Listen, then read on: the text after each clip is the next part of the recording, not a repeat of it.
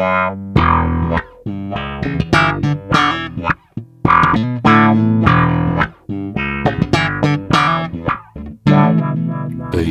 in Belgium. Welkom allemaal bij de tiende aflevering van dit tweede seizoen Based in Belgium. De podcast waarin we telkens één iconische Belgische bassist aan de tand voelen over het reilen en zeilen in zijn of haar muzikale leven. Gecombineerd met een schandalig lekker glas wijn. De lente is in het land, maar het precieze uur en de datum doen er niet toe, want wederom een vrouwelijke basgaste maakt haar verschijning hier in Studio Le Garage. De naam van Lies Lorquet wordt al meer dan twintig jaar in één adem genoemd met haar eigen band Minskov. Een van Belgisch meest authentieke alternatieve rockformaties, waar Lies als stichtend lid mee de teugels viert. Op de wijze van Sonic Youth en de Pixies vuurt ze daar samen met drummer Minchul van Steenkisten de teksten en gitaarlijnen van Philippe Bosgaerts aan. Met succes, zo blijkt. Ze wonnen Humo's Rock Rally in 2000, toen nog als Minskov Luna, werden vaste klanten in Stubru's afrekening, speelden regelmatig op prestigieuze festivals als Pukkelpop en sinds hun releases in Duitsland ook op festivals als Halderenpop, Taubertal Festival en vele andere, om uiteindelijk nog noordelijker door te breken in Denemarken, Noorwegen en Finland. Met diezelfde tourbus doorkruiste Minskov ook Frankrijk en Nederland. Een quasi-fulltime bezigheid dus voor Lies Lorquet. Al deed ze tussendoor creatieve uitstappen als gastzangeres bij collega-alternatievelingen als Deus en The Go Find. Of als bassiste bij de door Stubru opgerichte gelegenheidsband L7. Als eersaluut aan de ladies grunge band L7 uit de 90s. One Trick Pony kunnen we haar bezwaarlijk nog noemen nu ze sinds kort Ruben Blok in zijn liveband vervoegt om diens solo-carrière on the road mee te promoten op de mooiste podia van de Benelux. Nee, dat zou te weinig eer zijn voor een dame die al ruim 25 jaar de basnaren beroert op bescheiden, maar toch doordachte en trefzekere wijze. Altijd gewapend met haar Sunburst Precision Bass en bijhorende Ampeg SVT baskast, raast ze langs elk podium als een rokkende raket. Dames en heren, de enige echte Lies Lorquet. Hey. Hey Lies! Hallo. Wauw. Welkom. Bedankt Hallo. om, om van helemaal uit het Antwerpse Ja. af te zakken. Het naar is hier ook mooi. Ja, dank u. Dank u, dank u. Zo zie je nog eens iets. Hè? Ja, de zon schijnt. Hè. Dat doet heel veel. Wij kennen elkaar eigenlijk niet zo persoonlijk. Ik heb u nog nooit in een backstage aangeklampt om aan te spreken. Eh, maar ik ken u eigenlijk al van uw beginperiode met Minskov. Ik ben ook een 90s kid. En eh, ja, een band als Minskov viel wel op. Los van het feit dat het een beetje Deus gelinkt Ja, qua ja, ja, indie genre was. Was dat bij mijn eh, in mijn perceptie toch de allereerste band, Belgische band, met een vrouw op bas. Eh, ja, misschien toen wel. In, in ons genre, ik weet het niet goed. Ik, heb, allee, ik, ik let daar niet super hard op, maar het kan zijn dat je gelijk hebt. Ik moet wel één dingetje zeggen. Als mijn mama en papa meeluisteren... Sorry, Wouter. Ze mogen, ze mogen. het is uh, Lorquet zonder de T van achter. Lorquet, oké, sorry. Dat vinden zij heel belangrijk en dat snap ik wel. Lies Lorquet. Ja, Ja, daar voilà. gaat mijn rijmpje van de rokkende raket. ik voelde het aankomen. ik dacht, ik ga hem niet onderbreken, want het zal wel schoon zijn. Maar dus de- Oké. bij deze. Maar dat kun jij niet weten. Voilà. Voilà, het is eh, rechtgezet, hopelijk. Nee, maar ik denk zelfs in andere genres dat er geen vrouwelijke bassistes waren. Goh, misschien wel, als je een beetje Ja? zoekt. Of, en wat, wat mijn persoonlijke mening daarover is, Mhm. is... eh, wat er nu een vrouw of een man achter die bas staat, dat maakt eigenlijk niet zoveel uit. Iedereen heeft zijn persoonlijke stijl. ehm, iedereen past in de groep op zijn of haar manier. En Mhm. ik ben, ben zelf nooit echt op zoek geweest naar eh, muziek specifiek gespeeld door vrouwen of geschreven. Pff, het is gewoon een accidentje dat ik eh, bas speel bij Minskov. Eh, mijn, mijn ouders hadden het allemaal thuis liggen en waarom niet? Dan spelen we maar. Voilà. Ja, want ik was erover aan het nadenken in de research van de, de Talking Heads bestonden al. Die waren al van de jaren Mhm. 80 vol een bak bezig, heel populair. Tina Weymouth was al een begrip. Ja. En eigenlijk in België hadden we nog geen één popgroep waar dat er een, een dame bas speelde. Mm, ik kan u daar niet bij helpen. Ik ben daar Ja. dus niet naar op zoek. Als er luisteraars zijn Ja, die ja. ons kunnen eh, helpen bij bands uit de 90s die voor Minskoff al een vrouw op bas specifiek had- hadden, eh, mail het door naar onze redactie. En was eh, Kim Deal dan bijvoorbeeld een groot voorbeeld of de aansteekster om bas te gaan spelen in Mm. die tijd? Eh, ja, ze- zeker later. Maar ik ben eigenlijk begonnen met ehm, ja, de platenkast van mijn ouders. Mijn moeder speelde akoestische gitaar in haar klasje in het tweede leerjaar. En dan heeft ze mij een paar akkoorden geleerd. Dan heb ik een eh, elektrische gitaar geleend van mijn onkel. Eentje in die kleur, daar, jij hebt er hier ook zo eentje hangen. Zo'n blauwe, Ja, maar een speciaal blauw. donkerblauw, sparkle-achtig. Sparkle, eh, ja. Een Stratocaster. En ik, ik deed niet anders dan... Ik kwam van school thuis en boven cd spelen, want dat was toen zo. Nummertjes op repeat zetten om, om, Mhm. om van buiten te leren, om te kunnen meespelen. Uren aan een stuk. Dan eh, heeft Minchul mij een keer... Minchul heeft mij ges, gescout, gespot. Wauw. En zijn nicht zat bij mij in de klas en we moesten voor een of ander goed doel gaan eh, iets, iets doen, geld inzamelen. Jullie kwamen uit hetzelfde dorp? Of? Nee, ik ben van Oelegem. Toen leefde ik in Ja. Oelegem. Ik ging naar school in Lier, eh Sint-Ursula. Ja, ja. En Tina zat bij mij in de klas. En Tina had een neef Mincho van Steenkisten. Dat was Ja. eh, de, de eerste keer dat ik hem zag, ik weet het nog, ik wist niet wat ervan te maken. Een supercoole gast, echt niet normaal. Hoe, zijn uitstraling, hoe dat hem deed. Dus wij moesten een goed doel gaan steunen. En we beslist, we gaan busken. Ik was degene met een gitaar. Ja, Mincho ja. had ook een gitaar. Tina heeft Mincho uitgenodigd. We hebben toen gespeeld op de meer. eh, oh ja, de klassiekers. Hè. Ik weet Echt niet. in openlucht, busken, Ja. twee gitaren. Ja, en een, en een hoop meisjes erachter, dat dan de Streets of London, of hoe heet het? Ja, ja, ja, de, de bekende folkklassiekers. Ja. Dat dan. En dan... eh ja, Minchel had mij dan gezien en hij, hij speelde dan in een groepje met Bert en Tom, denk ik. En mij gevraagd om gitaar te spelen. Fast forward, dan hebben we nog iemand gevonden of gezocht. Filip zat bij iemand in de klas. En dan hadden we te veel gitaren. En dat was heel simpel. Ja, Lise, we weten dat jij thuis een basgitaar hebt. Neem dat maar mee. Jullie hadden al een basgitaar thuis. Mijn papa speelde bas. Hij had een heel, heel mooie jazzbas. Papa Lorquet. Ja, ja, Jean Lorquet. Jean Lorquet. Maar dat is echt een artiestennaam. Ja, Jean Lorquet en Anne van Uffelen zijn mijn ouders. Amai. En dan mocht ik eh, bas spelen van mijn vader. Zo een paar dingetjes uitgelegd. En dan, eh, ja, dat was de beklonken. Hè. Sindsdien ben ik dan bas gaan spelen. Ik heb er zelf niet over nagedacht. Ja. en ik zag dat staan, denk ik, ah, dat heeft vier snaren. Dat gaat misschien wat rapper gaan. Ja, ja. En vooral toen minder pijn. Allee, eens dat je Ja. eelt een beetje hebt, dan eh, is het niet meer te vergelijken met een akoestische gitaar. Maar je zat dan als tiener midden in de jaren negentig. Mhm. Dus je begon dan waarschijnlijk ook al die coole vrouwen, zoals Kim Gordon van Sonic Youth, Kim Deal bij de Pixies, Mhm. Ja. de Breeders, eh, de aanverwante dames, Tanja Donnelly, Ja, wat was het allemaal? Pumpkins, Smashing eh, Pumpkins hadden ook een vrouw. Lush. Ja, Lush. Eh, Sonic Youth uiteraard. Maar ja, mijn vader... de, muziek die wij thuis hadden, was vooral Jimi Hendrix.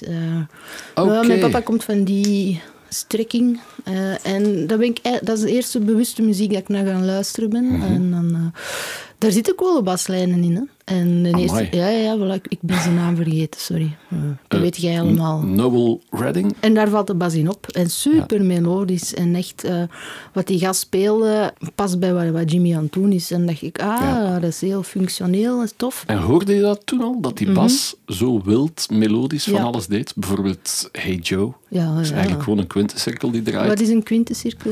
Dat zijn, eh, ja, je speelt een kwint en het volgende akkoord is de kwint daarvan. En het volgende akkoord is dan weer de, de kwint. Ja. Dus C naar G, D naar A naar E. Dus niet wat ik nu aan het doen ben. Jawel. Ah, toch? Maar je speelt al de melodische tussennoten, Ah, ja, maar de ja. akkoorden zijn, zijn kwinten eigenlijk die Oh, wel, elkaar volgens- opvolgen. Dat is volgens mij de eerste baslijn dat ik echt gehoord heb. En dat mij opviel van, ah, zo kan het ook, dat is tof. Maar je hebt gelijk. Daarna kwamen we aan Nirvana en de Breeders. Die heel hard gelinkt zijn aan Jimi Hendrix. Dus papa was waarschijnlijk blij van, wauw, mijn dochter Oh ja, ja. Maar is de volgende gesteund. generatie Hendrix. Nee, dat nu, nu, dat nu weer niet. Maar ze hebben mij altijd wel gesteund. Ook naar repetities rijden en zo. Daar heb ik echt niet Ja, over te klagen gehad. Maar je zei het, de Breeders, absoluut. Cannonball, Ja. dat was ja, hoe dat, dat begint. eh, Geweldig, hè? Je kunt dat lijntje spelen, Lies. Kom aan, doe het. En ook met de fout, hè? Ja, ja.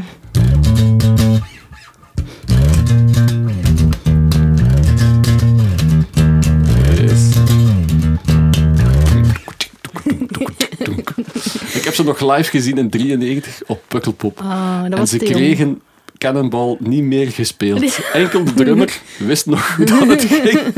Maar dat vind ik leuk aan muziek. Zeg, geef mij zo'n groep Ja. dat nog een beetje aan... Allee, dat af, het moet niet allemaal... Het mag zo met haken en ogen Ja. aan elkaar zitten. Dat vind ik de max. En dat voelde ook in dat album. La Splash was dat toen. Ja. Ja, verliefd op heel dat album. Hè. De melodieën, de gitaren, de scheve dingen dat daarin zitten. zit de samenzang. Ook het boekje op zich. Ik heb er uren naar gekeken. Ja. Hoe dat, in elkaar gestoken is. Ja, dat hebben we nu niet meer. Hè. Nu is het allemaal... Vroeger moesten wij nog echt cd's lenen. Hè. Ja. Minchul heeft mij dan pot geleend, hun eerste cd. Ja, ja. Ook ongelooflijk van onder de indruk. Maar eigenlijk moesten we naar de cd-winkel gaan, een platenwinkel. En als je pech had en die was er niet meer, Ja. dan moest je weken wachten. Dus Minchul kende die bands ook al, zoals de. Breeders. Dus die droomde ervan om dan de drummer tussen de vrouwen te zijn, waarschijnlijk. Maar dat- ik kan niet voor Minchul spreken, maar hij heeft mij wel zo op het goede pad gezet. Was zo'n mega de Cure van toen ook. Ja. Eh, hij, hij was een- zo'n coole gast, Minchul, dat ik die voor het eerst zag. En al- als hij mij iets aanreikte van deze moet eens luisteren, dan oh ja, oké, ja, zo wat is goed. Ja, zijn muzieksmaak en die van mij zitten toch wel redelijk Ja. bij elkaar. Schip een band. Ja. Wauw. Nee, Kim Deal en co waren ook allemaal niet, niet vies van een beetje levensgenieten, hè, om het zacht uit te drukken. Dus eh, ik denk dat we stilaan het glas mogen heffen op het leven en vooral op de muziek en, en de energie achter de muziek, want daar hebben we het eigenlijk al over gehad. hè. Het mag een keer goed scheef gaan. Een goed idee. Voilà. First things first. Maar eerst, we mogen blij zijn dat jij er eigenlijk zit, hè, Lies? Hoe dat? Ja. je hebt mij zo'n aantal biodingen doorgestuurd en daar stond Ah. in eh, in 2007 een elleboog gebroken, in 2020 nog eens een elleboog gebroken, eh, voetbeentjes eh, gebroken, een hand en dan nog eens tendinitis, een Ja. schouder die kapot is. Ja, het valt vandaag wel mee. Het is vooral de schouder. Is, Ik heb nog niks gebroken onderweg nee, naar ik hier. ben hier geraakt. ja, we lachen ermee, maar het is echt, soms is het echt erg. Heb, Ja? ja? ik heb zo heel zwakke gewrichten. Ik ben super onhandig. Ik ben echt... eh, ja, het overkomt mij allemaal. Eh, ik heb, en dan vooral, ik heb een heel, heel hoge pijngrens. Dus mijn voeten die breken, Ja. ik heb dat niet door. En dan, dan kan ik op bepaald Je voelt dan niet als er ik iets dat breekt in je lijf. Ik voel dat wel, maar ik vind dat allemaal zo serieus niet. Ik, vind dat, allee, ik kan wel verder.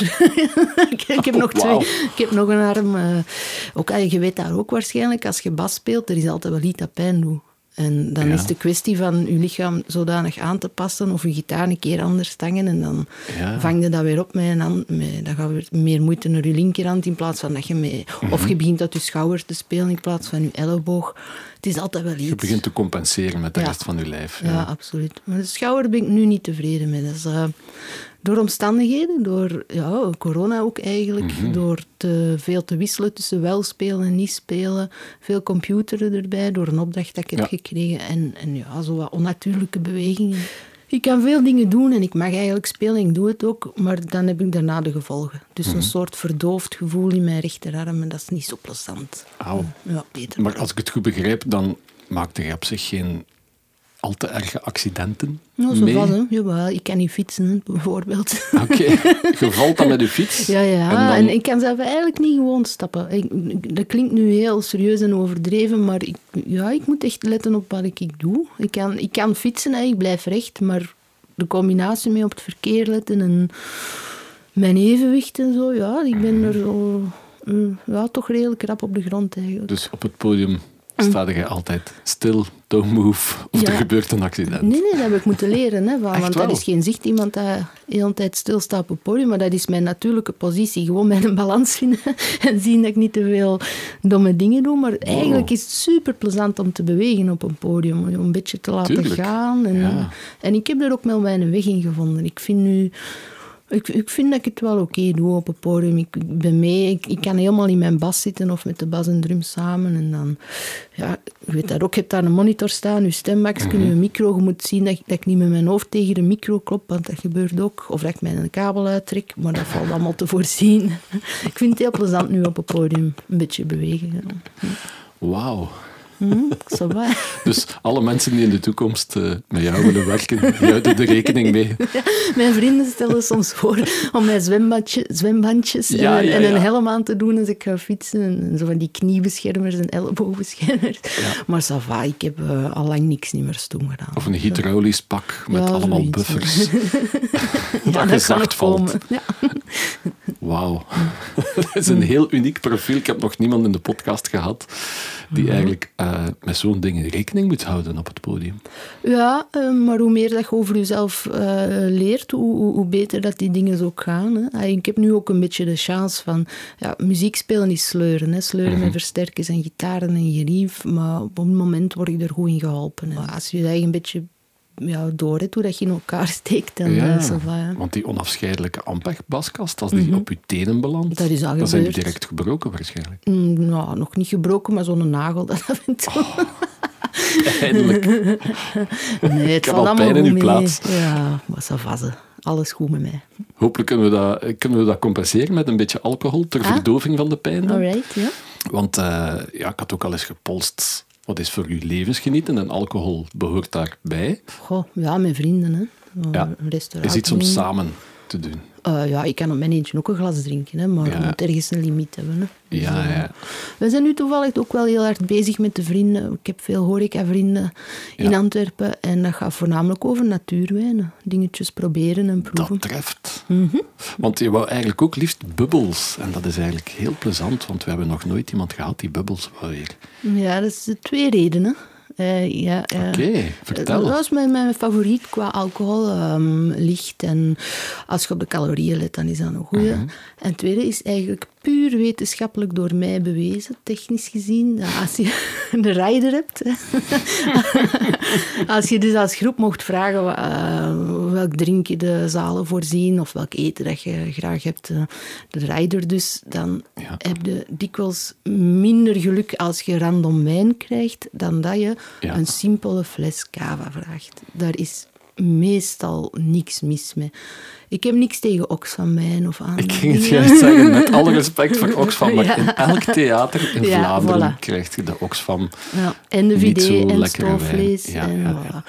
Dus ik heb dan op mezelf uitgevonden dat... Er was toevallig eens een flesje cava en dan dacht ik, hier lopen we minder risico mee. Mhm. En dus ik vraag dat nogal graag op de rijder. Als het er niet is, va, hè. Maar eh, het heeft minder kwalijke gevolgen. Voilà. En ooit al eens echte champagne gehad, of het blijft Mhm. bij cava? Nee, nee, we zijn, nee, nee, champagne krijgen we af en toe. Eh, een keer in Rijms geweest. En dat was Ja, tuurlijk. Dat was Ja. met oesters en schelpjes. En, eh, maar ik heb geen hoge eisen. Hè. Het mag gewoon liefst niet te zoet. Dat al. Ja, ja. Geen te hoge eisen. Oesters en champagne, voilà. Eh, vrouw naar mijn hart, voilà. Levensgenieten à fond. En dan nog op de, ja, met, met respect voor de natuur. En liever de biowijnen erbij. Eh, wordt heel belangrijk. Ook omdat dat meestal kleinere eh, families zijn, Ja. hè, kleinere werkingen. En ehm, artisanaler. Ja, Ja. voilà. Onze basgaste is dus helemaal mee met het bio- en natuurwijnverhaal. Eh, ze lust ook al wel eens een bubbeltje en dat is een primeur, want in deze podcast hebben we nog nooit bubbels uitgeschonken. Ik ben dus zeer benieuwd, Bernard, wat zit er in de baar? We gaan vandaag naar eh, boven Barcelona, naar Alella. Alella is de kleinste appellatie van eh, Spanje, 300 hectare groot. Net boven eh, Barcelona. En we gaan naar een domein genaamd Cellar de les Aus. Dat is eigenlijk een domein van Alta Alella. Eh, Een domein van eh, onze vriend Josep Maria Pujol Busquet. Een zeer mooie, lange naam. Ik ken hem niet, Nee, maar het klinkt boeiend. Voilà. De- ja, het is een van de drie tenoren eh, in de Spaanse wijnbouw samen met Mariano Garcia Ah. en Antonio Sanz. Dat zijn de, de drie grote mannen uit de wijnwereld. Geven les aan de Universiteit voor Enologie. En Alela is zeer vooral gekend voor zijn ondergrond genaamd de Saulo-bodem. En de Saulo-bodem is een hele zure granietondergrond die de bijna zou zeggen zanderig, want de graniet is, als je het met een vinger gaat aan krabbelen, dan krijg je een soort heel korrelige, eh, graniet, eh, zandachtige, dikkorrelige bodem. Mhm. als je daar, ik heb daar zo'n heel mooie fles in de winkel van en iedereen denkt, oh, dat is peper en zout. nee, nee, dat is de saulo-bodem. En dat laat toe dat de wortels heel diep in de grond kunnen gaan en heel veel mineraalelementen naar boven kunnen komen. Alta is vooral gekend voor zijn cava's, maakt de, de, de beste cava's uit Spanje samen met een twaalf aantal andere cuvées, de Cava de, Par de Paraje. Maar hier wil ik toch spreken over iets, iets nieuws, iets anders, iets dat echt in de mode is op dit ogenblik en dat is een petnat. Oké, want ik was al een beetje bang. We hebben een vrouw in de studio, we gaan Cava erbij zetten. Het cliché wordt bevestigd, maar we gaan toch niet voor. Petnat. Petnat. Komende van pet pétillant naturel. De meest natuurlijke vorm van, van mhm. een, een, een, natuurlijke gisting op fles. Bij wijze van spreken start de gisting in inoxkuipen onder een, een, een, gecontroleerde temperatuur van 15 graden. En achteraf gaat de gisting verder in de fles. Wordt de, de mhm. wijn tijdens de gisting eigenlijk gebotteld. Wordt afgesloten met een kroonkurk. En de gisting gaat verder met zijn inheemse gisten en de natuurlijke suikers. Dat kan allemaal bij ja, wijn ook. Ja, ah, helemaal. dat, is een, beetje de methode ancestraal genoemd ook. Ja, ja. Uh, maar dat is een pétillant natuurlijk. Dus dat is de meest natuurlijke vorm van een, een schuim mee te maken. Het is heel uh, intens, is heel mooi, is heel zuiver. Uh, de, de bubbels is iets grover dan een cava. Gaat minder lang in je glas blijven, maar is, mm is, is ja, de meest natuurlijke vorm, want er wordt daar geen toevoeging van. Er is niks van toevoeging van sulfieten. Zeker met Cellar del Aus. Ja.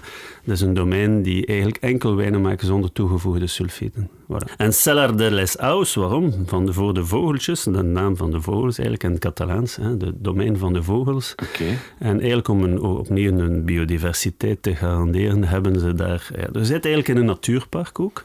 Ehm, en ze hebben daar verschillende waterbekkens ge, uh, geplaatst, waar dat de vogels voldoende uh, water kunnen vinden. En eigenlijk ja, zo een bestrijding naar insecten toe. En op alle flessen, op elke cuvée is er een, een, een, op een van de vogels die je kan terugvinden in, in zo'n mooi natuurpark. Wow, origineel. Voilà. Ja.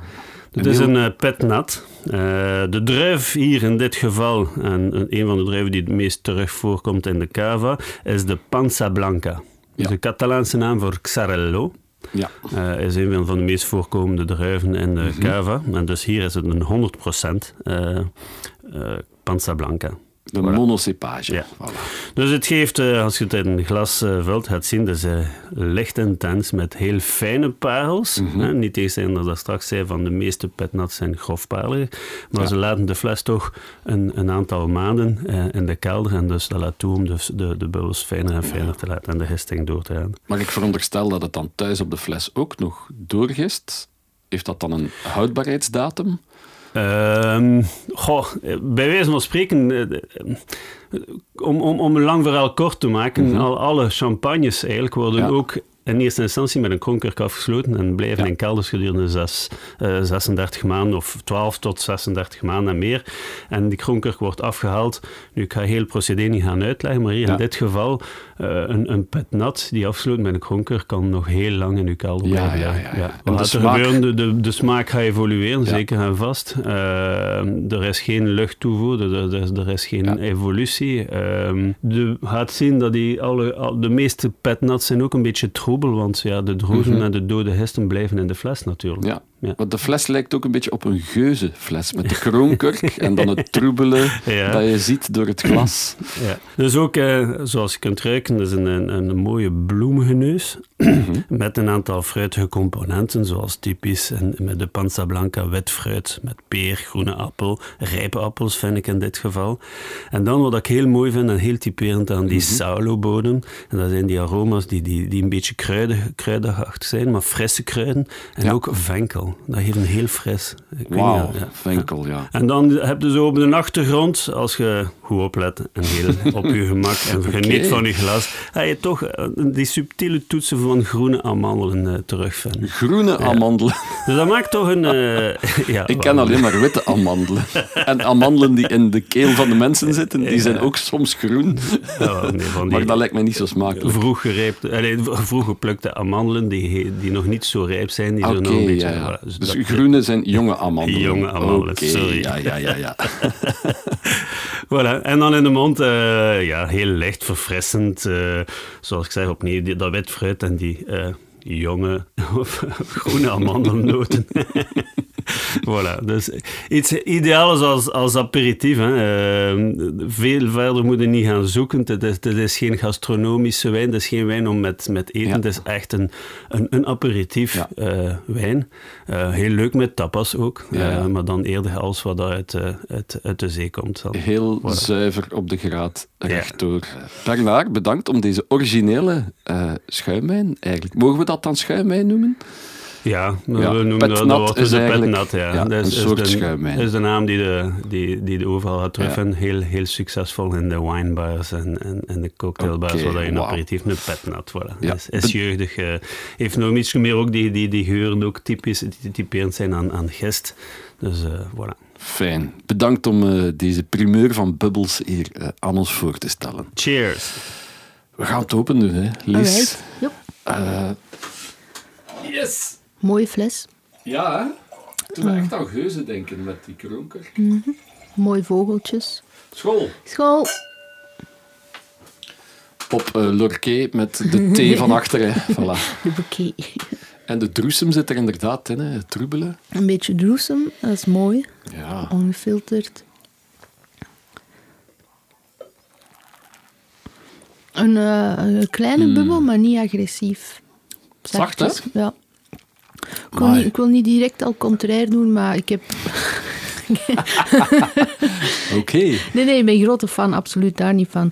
Maar uh, Bernard, geloof ik, ja. heeft dan uh, de hint gegeven van vooral begeleiding bij uh, vis en zo. Maar ik denk dat in deze ook gemakkelijk mm. een steektartaar of een carpaccio zo aan kan. Yes! ik denk dat, ja, echt, echt super fijn. Een goed vleesje erbij ja. zou ook gaan, volgens voilà. Lies. En echt om te genieten, hè, om te proeven. De venkel... Mm. Um, ik was niet zeker van eerst, maar inderdaad, zo'n beetje de nasmaak. Daar ben ik grote venkel van. Dus, uh, ja, is lekker een venkel. Ja, een winner. Echt, uh, het valt niet direct op de venkel, het komt helemaal op ja, het einde, inderdaad. En een klein, klein beetje bitterder dan bij. Ja. Maar uh, ja, super lekker. Echt feestelijk ook. Niet, voor om, niet om door te kappen. Echt ja, ja. Heel, heel, heel goed gekozen. Iets om op de rider te zetten vanaf nu eigenlijk. ik, ik heb weinig eisen hoor. Ruben Blok, hoort u ons rider veranderen, alsjeblieft. Nee, nee, In plaats van cava gaan we nu voor pet nat. En liefst uit Spanje. nee, nee, nee. Ik uh, aanvaard nederig wat er mijn richting uitkomt. Wauw, dat siert u lies.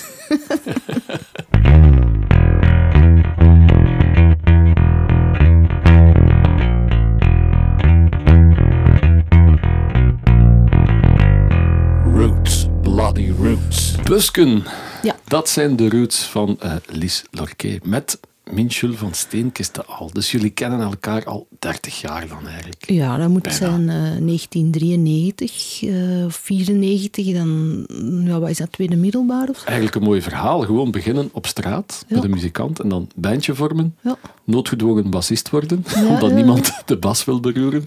Ja, die plekken ook waar wij gerepeteerd hebben. Dat is echt, want wij zijn een groep altijd al geweest, wij repeteerden superveel.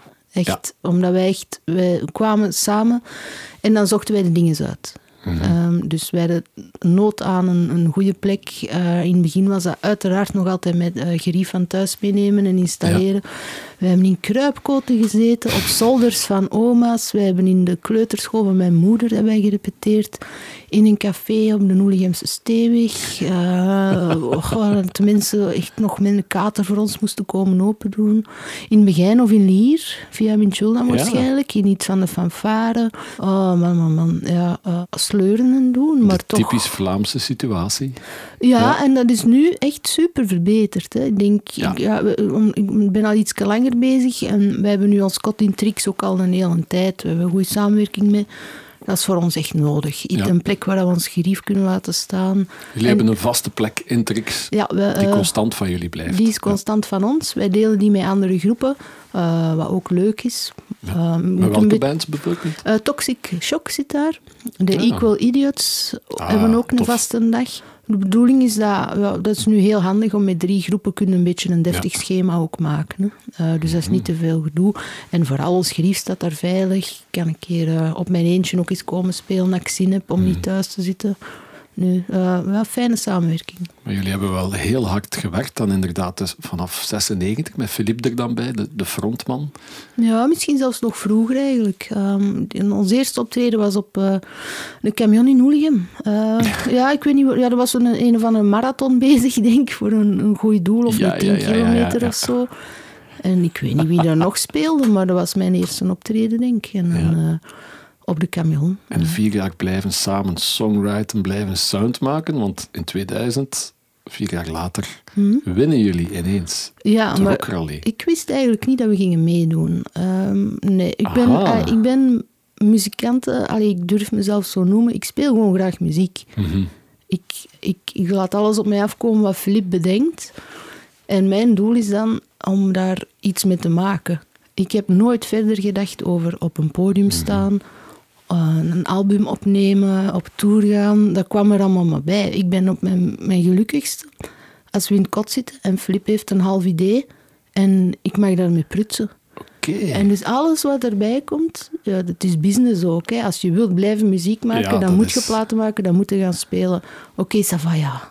Ah, wel dan. Ja. Maar ik, ik wil gewoon nummers maken. En ja, we hebben echt enorm belachelijk veel gerepeteerd daarvoor, omdat niet iedereen is in hetzelfde tempo, niet iedereen is daar even mhm. snel. Ik denk ook wij allemaal zijn ongeschoolde muzikanten. Wij doen maar wat, wij doen wat wij tof en goed dus jullie leren aan elkaar eigenlijk de muziek? Maar aan mij kunnen niet veel leren, want ik onthoud het toch niet. en, ja, en ik wil daar niet onnozel, ja, ik wil daar niet onnozel over doen, maar ik weet niet wat die vakjes hier allemaal zijn. En eh, af en toe leer ik iets bij. En, en, vakjes. Ja, ja vakjes en bolletjes. Hè. Kotjes, vakjes, bolletjes. Ja, dus ik, ik, ja, geef lanceert Filip met een half nummer. in mijn hoofd wordt dat dan ah, een probleem. We hebben een half nummer, we gaan er een heel nummer van maken. Ja. Hoe doen we dat? En dat is mijn approach. Dan denk ik, hoe kan ik hiervoor zorgen dat ik die mens met zijn schoon nummertje help om daar nog een mooier nummer van te maken? Ja. En maar dat, hoor je echt in de muziek van Minskov, vind ik. Het is mijn bedoeling. Ik wil niemand in de weg zitten en ik wil vooral dat eender wat iemand anders speelt, dat ik dat alleen maar ja. beter kan ondersteunen. En als ik dat kan doen, dan ben ik blij. Is dat nu één noot of moet ik mhm. heel mijn hals afgaan? Ça va. Ja. Dat vind ik het leukste. Want daarom vind ik ook een beetje de Tina Weymouth van, uh, van, van België eigenlijk. Want jij arrangeert echt vanuit je bas mhm. de songs mee. Ja. Ik hoor dikwijls heel basic spelen. Dat ik denk van, mhm. ja oké, ja, dat is allemaal goed ter ondersteuning. En dan plots komen er een aantal filmpjes dat je hoort van, wow, die heeft er wel een paar keer over nagedacht voordat ze ik dat Ik heb erover nagedacht, zeg maar zeker.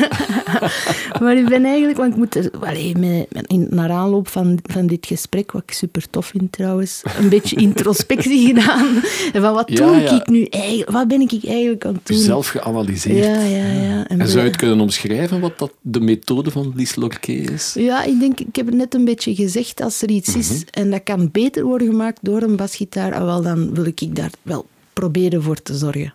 Ja. En, en mijn, in essentie, maar dat is nogal redelijk arrogant is verkeerde woord, maar ik zou niet graag iets spelen dat niet nodig is.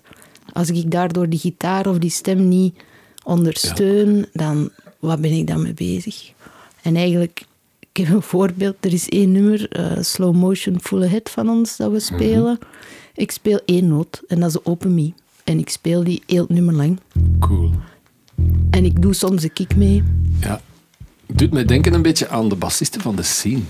Emilie ah, Blom van Assendelft. Ja, Geweldige bassiste. Bijvoorbeeld in Open mhm. speelt hij eigenlijk gewoon een open la. Ja, voilà. dat zou ik dan En het gaat ze dan mee met akkoorden, maar voor de rest is dat bam, bam, bam, bam, Heerlijk, hè? Maar ik, heb, ben niet zo...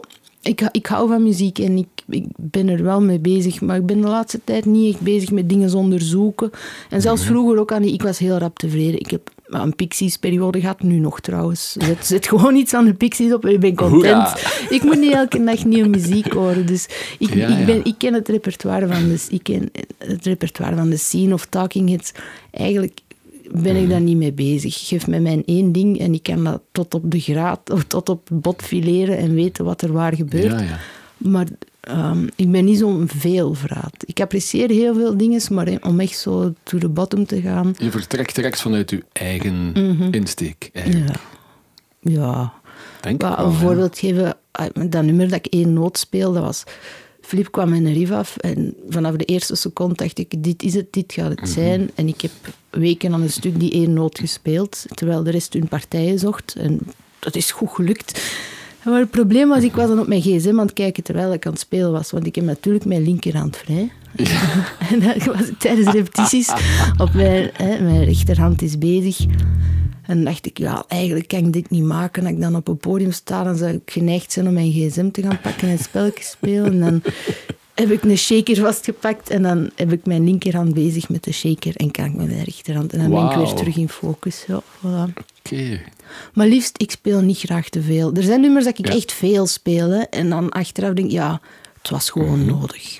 Zo zou elke bassist moeten denken Ik weet het niet. Ik vind het juist leuk dat iedereen anders is. Ik vind het leuk. eh, Maar het valt wel op aan Minskov, denk ik, die in mijn ogen een zeer onderschatte band is. Want dat is een van de harder werkende bands in België waarschijnlijk. Ik hoor Wij veel. beseffen ja. te weinig hoeveel dat jullie in een klein busje kruipen Mhm. en met weinig budget tot het hoge noorden of in het zuiden rijden. Mhm. Om daar toch maar zieltjes te winnen en, en toch in de hoop een contract te scoren en dan te releasen in Duitsland. Maar iedereen weet ook dat dat heel veel investering vraagt. Ehm, maar, maar jullie zijn wel ook op muzikaal vlak ook heel onderschat, want jullie luisteren echt naar elkaar. Dat hoor je aan de muziek. Dat is de bedoeling, ja. ja, en, Ja. en meestal lukt dat ook wel heel hard. Eh, ja, die, die nummers ook. eh, iedereen weet, je hebt een producer nodig voor een album Ja. op te nemen, al is die naam. Eh, Je hebt iemand nodig om de lijm een beetje te zijn, om, om ja, de neus in dezelfde richting te zetten. Dat begrijp ik heel goed. Maar onze nummers zijn eigenlijk zodanig in, in het repetitiekot al uitgewerkt, dat soms een beetje... Storend is het verkeerde woord, maar ja, dan, ah ja, dan komt die producer bij. Dat ah, hij ja, ook nog nu. zijn stempel Ja. gaat drukken. Ja, ja, ja. Terwijl we, allee, ik, mag, ik mag daar trots op zijn. We hebben ons nummer eigenlijk allemaal gewoon zelf uitgezocht in de studio. En je noemt ons onderschat. Ja, dat kan. Goh, ik ga daar niet wakker van liggen. Ik denk het wel. Want je merkt ook die vijf albums die jullie op eh, kleine twintig jaar tijd Mhm. gemaakt hebben. De eerste zijn allemaal met producers, want dat hoorde zo. En waarschijnlijk Ja. wordt dat door de plaatfirma ook een beetje aangestuurd. Niet tenminste, hè, er, er was eh, Frank Duchesne, Mhm. eh, er was ehm, Werner Pensaert, Ja, ook een hele grote ja. naam, nog altijd tot op vandaag. En dan later ook meer internationaal gekleurde namen uit de indie scene die niet zo bekend zijn. Mhm. Ja, Eh, Mark. Freegard, Mhm. die wel met Delametry heeft eh, opgenomen en zo. Eh, Ja, daar was mijn papa ook van. van. En hij heeft vooral eh, La Splash opgenomen hè, van de. Breeders. En dat was zo een argument. Ja, ik weet niet hoe dat, dat ging in een tijd. Denk ik dat er zo. Je hebt managers voor groepen, maar je hebt ook managers voor producers. Dus dan kun je eigenlijk uit een telefoonboek gaan kiezen met wie willen we samenwerken. Ja. En het was toen vooral het idee van, ja, je hebt toch echt wel een, een grotere, bekendere Ja. internationale namen nodig voor de uitstraling. En Mark die had eh, La Splash gedaan. Ja, dat is van ons allemaal favoriet album. En die is dan afgekomen met zijn busje en hebben we in Borgerhout opgenomen. En af en toe, ja, het was heel eh, rare omstandigheden. Swat die heeft er een maand gelogeerd in, het- in het Ja. huis waar we opnamen. En af en toe doet hem dan wel zo een studioverhaal over Kim Deal of over hoe dat de drums gingen of zo. Maar dat is eigenlijk, ja... pff, die, moet, ja, die Het heeft is een job werk gedaan. natuurlijk. Ja, ja. moet elke dag natuurlijk zien te overleven en, en van alles doen. Ja, eh. absoluut. Een toffe gast, toffe samenwerking. Maar ja, ik ben toch heel blij dat wij die stap hebben gezet om... Ja, onze nummers zijn redelijk af. En we hebben iemand nodig om Mhm. dat op te nemen. En, en we zien dan wel. Wat, hoe dat we ons volgende plaat gaan doen, dat weet ik ook En was er een moment dat je dacht van, oké, jij bent wel van de breeders en dat is allemaal wel cool, maar nu zijn het te veel uw stempel aan het doordrukken. Wij moeten nu onze tanden laten zien en zeggen van, Mhm. wij zijn Minskoff, wij willen zo klinken. Ja, ik begrijp wat je zegt, maar dat doe je dan niet. Nee? Want, nee, want een plaat is een hele investering. En eer Mhm. dat je dan vertrokken je- eh, ik ben me niet altijd bewust van de centen dat erin steken, maar Ja. die zijn er wel. En eens dat die trein vertrokken is, studio gehuurd, mens is overgekomen Mhm. uit van waar, ik weet niet waar, dan, dan is het gewoon gaan en opnemen. En in band zitten is ook op tijd, op tijd een stap opzij zetten. En zeggen van, ik had het Ja. zo gewild of zo, maar dat is het nu niet. En die anderen hebben ook hun investeringen mentaal en emotioneel gedaan. En even, eh, het eindresultaat telt. Eh, ik, ik, ik kan van sommige platen zeggen van, ah, dat vind ik niet hoe de bas moet klinken. Ik heb het zo niet... ehm, aangevoeld. In Mhm. het geheel vind ik de bas zo of zo. Ja, dat is dan zo, hè. even. Maar je hebt er geen spijt van achteraf? Ja, dat je een achteraf stap wel. opzij gezet hebt. Achteraf wel, omdat... Ja, maar iedereen heeft dat. Hè, van als ik zo of zo gedaan had, of dat beslist, dan had het misschien een heel ander resultaat geweest. Maar dat weet je niet. En dus het heeft Ja. geen zin om daarover na te denken. Ik heb wel een beetje die... Daarmee dat ik die Sansamp nu ook heb, die pedaal... eh, Ja. Mijn klank is mijn klank. En ik wil ja, aanpassingen ja. doen aan de drums en aan de gitaren. En, en, en, maar ik wil... Ik heb mijn best gedaan voor die baslijn. Ik zou graag hebben dat de mensen die horen. Voilà. Ja. Dat, dat ik vind ook de verantwoordelijkheid van uw sound gaat tot aan de XLR. Ja.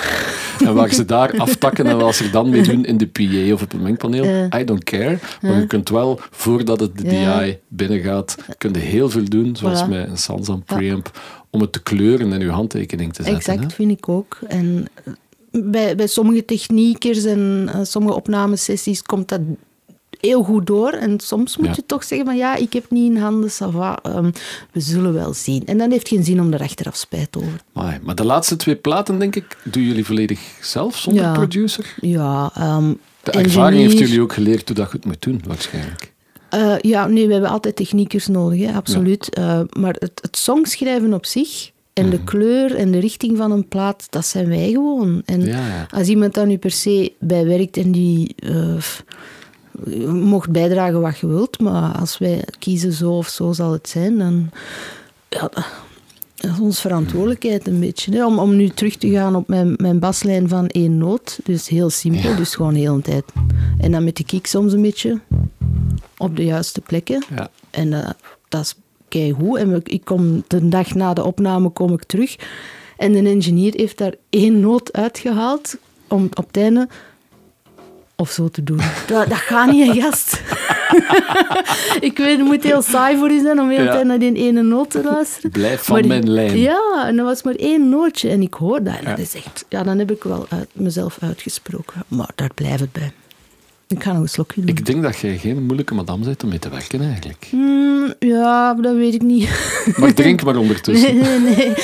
Ah, ik probeer niet moeilijk te zijn. Eh, Want er zijn ook veel andere samenwerkingen geweest tussen Minskov door. oh, eigenlijk niet. Ik ben heel, heel, heel... Maar voor ehm, iemand die een beetje geprofileerd is als een bandmember. hmm, ik heb nooit bij iemand anders bas eh, gespeeld. Nooit.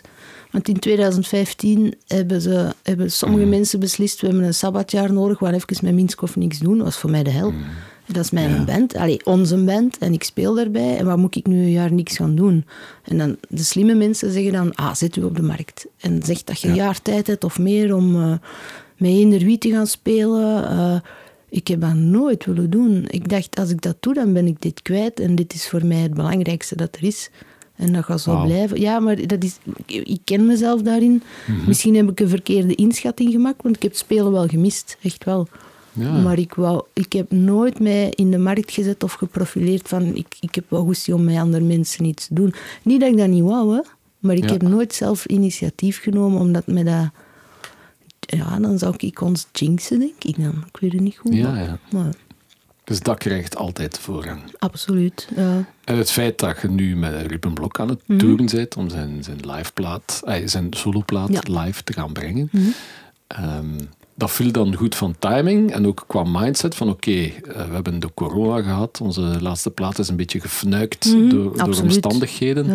met eh Minskov. Nu kan ik mezelf wel een keer een, Oh. Een bonus ticketje gunnen om iets anders te doen. Ja, ik heb dan toch ergens de switch gemaakt van misschien is het toch wel beter als ik eens wat meer variatie in mijn spelen en Ja. in de mensen waar dat ik mee omga, dat kan allemaal geen kwaad. Dat was voor mij een positieve insteek van wauw, ik krijg die vraag, ik krijg die telefoon. Probeer het gewoon. En Eh, kwam de vraag van Ruben zelf, Ja, die Ruben. specifiek naar jou vroeg. Ja, Ruben, ehm, ik, kreeg een, eh, een, een berichtje van Filip, een sms. En Filip is onze zanger, maar dat is ook de neef van Ruben. Oké, Ja. ja, ja. En Filip stuurde een berichtje aan... Ja, je gaat telefoon krijgen van Ruben en gaat u vragen om mee te spelen. Ik heb uw telefoonnummer gegeven, is dat oké? Ja. En mijn hoofd zegt, nee, dit ga ik niet doen. Eerste reactie, nee. Dat is de eerste Heel België reactie, zegt ja. ja, tuurlijk. En Lies Loquet Ja, ja. zegt nee. Ja, dat is mijn eerste reactie. La poupée qui fait non. Ja, echt, ja. Ik kwaad om mij. Jawel, in, in een minuut was dat beslist. Hè, van ja, oké, Mm. dit ga ik doen. Dat is echt een van de beste gitaristen van, van België. Ja, Super tuurlijk. benieuwd naar wat hij solo gaat doen.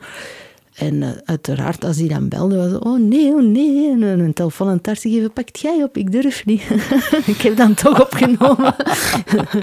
en dat was zo'n lieve mens, echt. En eh, hij doet een klein uitlegje van, ja, dit wil ik bereiken. En dat is een beetje de setting. Ja. En dat zou uw, uw ding zijn. En na- natuurlijk doe ik mee. Hè. Maar dan begint het pas. Hè. Dan begint het pas. Ik had de muziek ook nog niet gehoord. dan. Nee, niks. Ja, de single, hè, eh, Lights, super cool. Ja. Super moeilijke baslijn niet te doen. ja, dat was het probleem. Ja, hoe begin ik hier aan? En heeft hij mij doorgestuurd een, een, aantal, een Soundcloud met een aantal nummertjes. Maar ik had geen goede afluistering. Ik heb zo gewoon een, een boxje, iets digitaal. Dus ik hoorde de bassen niet. Maar gewoon samen met een, ik zeg het met een, een zeer goede geluidstechnieker. En jullie Ah, hebben geen goede afluistering thuis. Nee. en nee, daar zat dat wel op 1, 2, 3 gefixt. Maar ik, ik ging Ah, het allemaal zelf doen. Ik ging het zelf allemaal... eh, dat was een belangrijke stap. Ehm, Ja. Eh, ook een keer aan Ruben gevraagd, ja, Ruben, kan het zijn dat ik geen bas hoor? Eh, Mhm. Ja, dat nummer, dat is eigenlijk niet, dat is een keyboardbas. Ah, ah oh ja. en ik zeg, ja, ik hoor niet goed wat dat speelt. Ja, ik kan nog wel een mixje doorsturen. Ik zeg, nee, nee, laat maar zo. Maar ja, ik kan geen noten lezen, hè. Dus Ja, ik heb die twaalf nummers duizend keer beluisterd en proberen uit te zoeken. Echt erin duiken. Met Ah, ja. heel uw, ja, met heel uw hersenpan en Ja, ja. mentale ziel om, om dat te absorberen. Ja, eigenlijk, ja, volledig focus hè, op niks anders. En ja, ik, het was mij wel gelukt, denk ik. Maar dan kwam de vraag, ah, gaan we nog eens samen repeteren? Ja, nee, eigenlijk niet. Ah, Nee, Nee. gewoon direct spelen. En dan heb ik toch nog eens gevraagd, is het niet mogelijk om toch een keer eh, Mhm. te repeteren? Dan kun je al eens zien of dat je mij eigenlijk wel wilt, of ik het kan. ja, ja, ja, maar ja, dat is ook een onmogelijkheid. Hè. En dan hebben we ene keer samen Ja. gerepeteerd, super onzeker, super echt trillen van de zenuwen. En, eh, eh, repetities gedaan en de jongens zeggen, ah, eh, kom jij morgen niet mee? Het is festival in West-Vlaanderen. Ik zei, oeh, oeh, wat? en ik stond erbij, ja, ik ben meegegaan. Maar Ruben was op voorhand wel zeker dat jij het Boah. goed zou doen, denk ik. Dat weet ik Anders niet. gaat hij dat niet vragen. Ja, ik weet het niet. Maar ik vind het wel heel plezant nu. Het is echt. eh, Het is een heel tof concept, hè, met Ja. Teun Verbruggen op drums. Het is a free road Ja, maar dat ben hè. ik, ik niet. ik, ik leer alles van buiten. Ja. Dus dat is nieuw voor Jij mij. houdt alles strak op de baan. Ja, maar ik moet mij Teun mag aanpassen. overal hè. rondgaan? Of hoe? Nou, ik Hoe denk gaat dat we het? Mhm. vooral Ruben een beetje volgen. Zo. Kwestie van cues en hoe dat we de eindes, de outro's doen of zelfs begin. Maar daar ben ik niet goed in. En dat weet ik van mezelf. Dus ik probeer de Ja, ja. nummers van voor en achter van buiten te leren en voorbereid zijn op elk eh, probleem dat Ja. er kan komen. En vooral, ja, Ruben staat van voor, dat is een baas en is de max om mee samen te spelen en proberen te volgen. En meestal lukt dat en af en toe een keer niet. En als je chance hebt, is dat op een try-out of zo.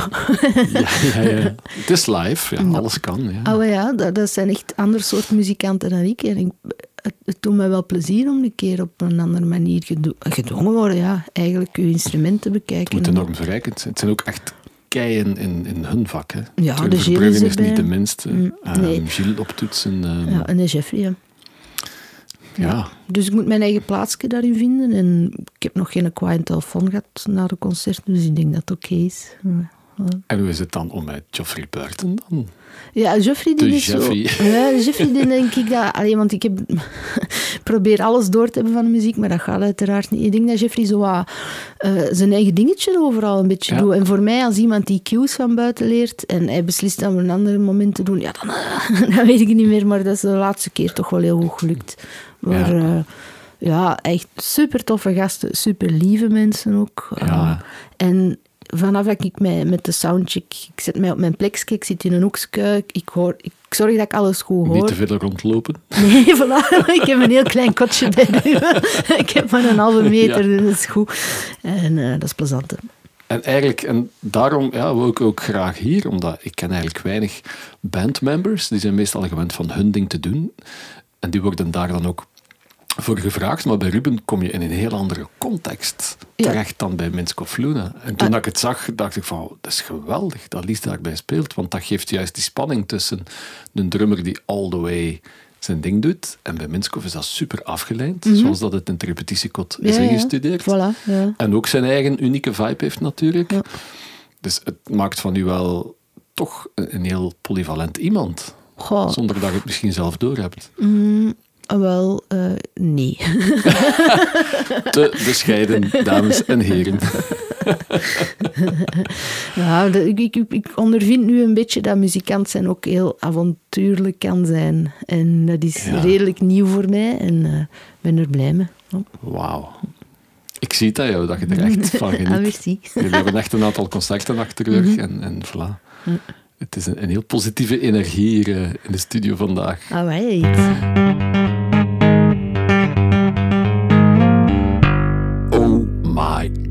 De goden. Wie is de ultieme basgod? Maar voor we daaraan beginnen, ik vond het ook heel opmerkelijk. In uw bio stond er dat je naast Jimi Hendrix en alle grunge-grootheden van de jaren 90 ook enorm eh electro fan waard. Of Ja, nog altijd ja. zijt. Met digitaal en zo.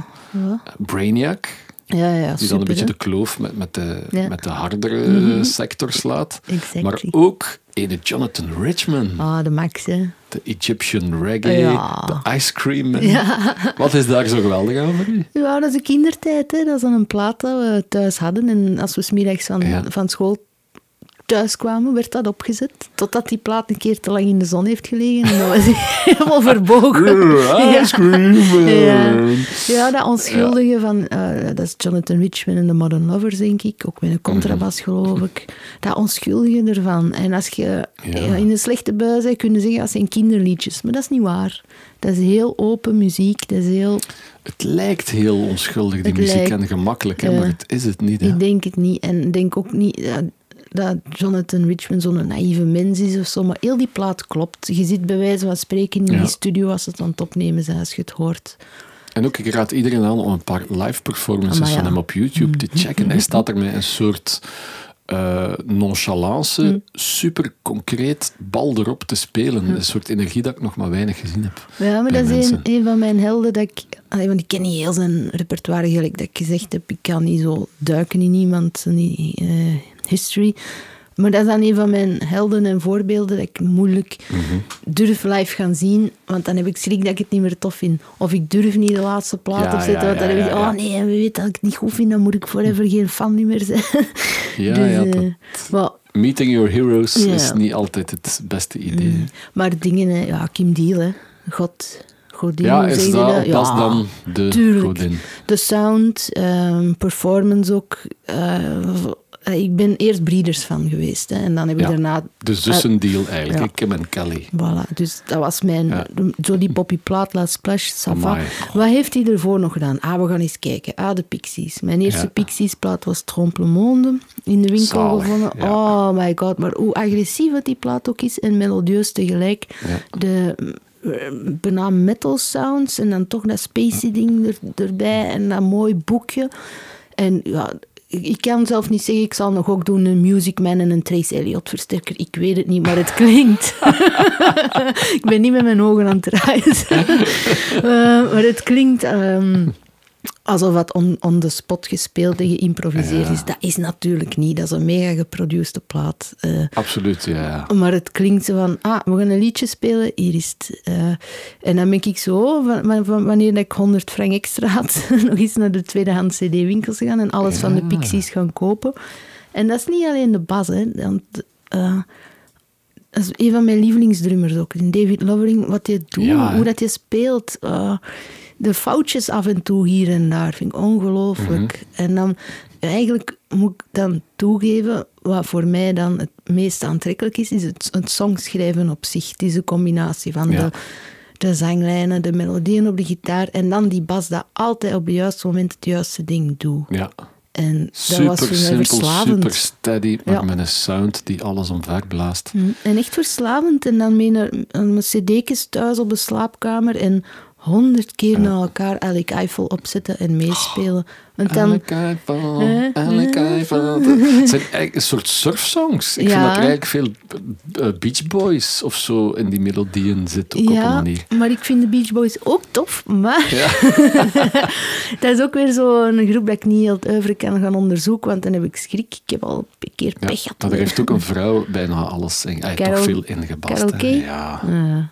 Ja, maar dat is dan ook een andere manier van spelen. Ben Ja, fan, heel hè, anders, absoluut. maar hetgeen wat de Pixies hebben, die, die, die synergie van wat die allemaal op Mhm. een gegeven moment doen, er is nooit iets te veel. En dan denk ik, Kim Deal, oké, va. Maar ik, ik, ik vraag me af, en ik heb nooit gevonden in een boek of in een documentaire... Ja, Frank Mhm. Black is een songschrijver, hè? Absoluut. Absoluut, hè? En een beetje de dirigent ook, denk Ja, ik wel. voilà. Hij zal wel Dus goed voor weten mij, wat hij wil. Ja, het is dat. Dus ik, ik, ik ben mega, mega Pixies fan, mega Kim Deal fan. Maar ik denk dat Frank Black wel het, het echte genie... hoe dat die gewoon met twee, drie akkoorden een, een song... eh, van, Ja, en het eh, moest ook, want ah, Kim Deal zat toch geregeld zo in de zootje ongeregelde sector. Ik herinner mij dat we ooit in de laatste shower gingen mogen begeleiden. De breeders gingen het komen? Hm? en die zaten in Brussel op hotel, maar die zijn gewoon een hotelkamer niet afgeraakt. Ah, En de promomanager kwam met schaamrood op de wangen zeggen van jullie gaan toch een eigen nummer moeten spelen, want Oh. ze zijn te stoned om naar te komen. Ik moet zeggen, ik ben ook gaan zien in Oh. de AB. Dat was een paar jaar geleden. Eh, Als, als, ze hier komen, dan kom ik zien. 93 was Ja. ik te jong voor. In de AB met de ehm, eh, revival van La Splash waren Mhm. ze er allemaal. En ja, ik ben, daar en ik waren te vroeg in Brussel. En ik ben ze allemaal tegengekomen. Eerste bassist, nee dat is niet waar. Eerst Kim op straat. En je ziet al Ja. van ja dat is Kim Deal. Tuurlijk. Eh, Lies, eh, doe normaal, doe normaal. en gewoon, ik heb gezegd, hi Kim. En zij zo, oh hi sweetie. Of zoiets. En ik oh. En verder She was in a good mood. Ja, en dan na de show aan de backstage van de B, dat klein gangetje daar, de Aan Lollipotstraat. de of ja, dat? Steenstraat. Ja. Nee, aan de achterkant, Ja. Lollipotstraat. Ja.